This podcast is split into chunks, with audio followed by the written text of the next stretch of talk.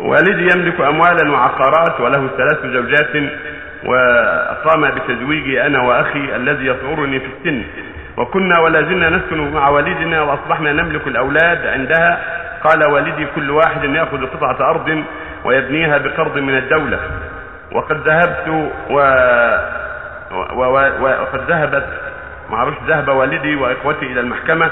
لإفراغ الأرض بأسمائنا ولكنهم فوجئوا برفض القاضي حيث قال إن هناك لهم أخوة كثيرون وهم صغار من بنين وبنات ولا بد أن يعطى كل واحد منهم قطعة أرض أو يمنعوا جميعا علما بأني اعمل بوظيفة ودخلي لا يمكنني من شراء أرض.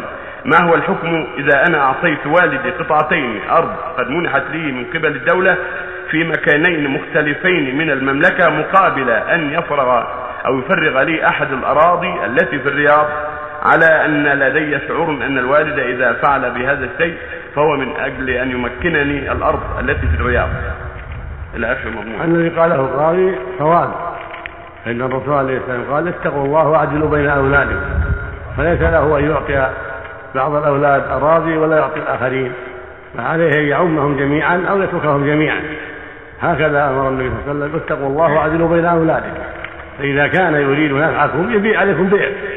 يبيع عليكم الأراضي بيعا مثل ما يبيع على الناس من غير محاباة. يبيع عليكم الأرض ما تساوي من أهل الخبرة. بيعا عليكم مؤجلا مثل ما يباع على الأجانب. تباع عليكم وتكون في ذمتكم حتى يتيسر لكم الوفاء مثل ما يبيع على أناس أجانب.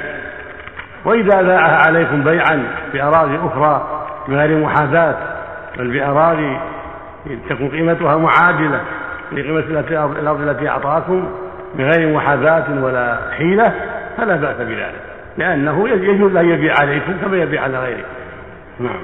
آه نعم. يقول طيب إذا كان راضين هذا وهنا يقول إذا كان راضين. إذا كانوا كبار وراضين لا بأس. أما إذا كانوا صغار ما لهم رضا.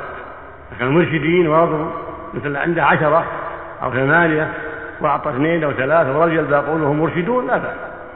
أما إذا كانوا صغارا أو مجانين أو معتوهين ليس له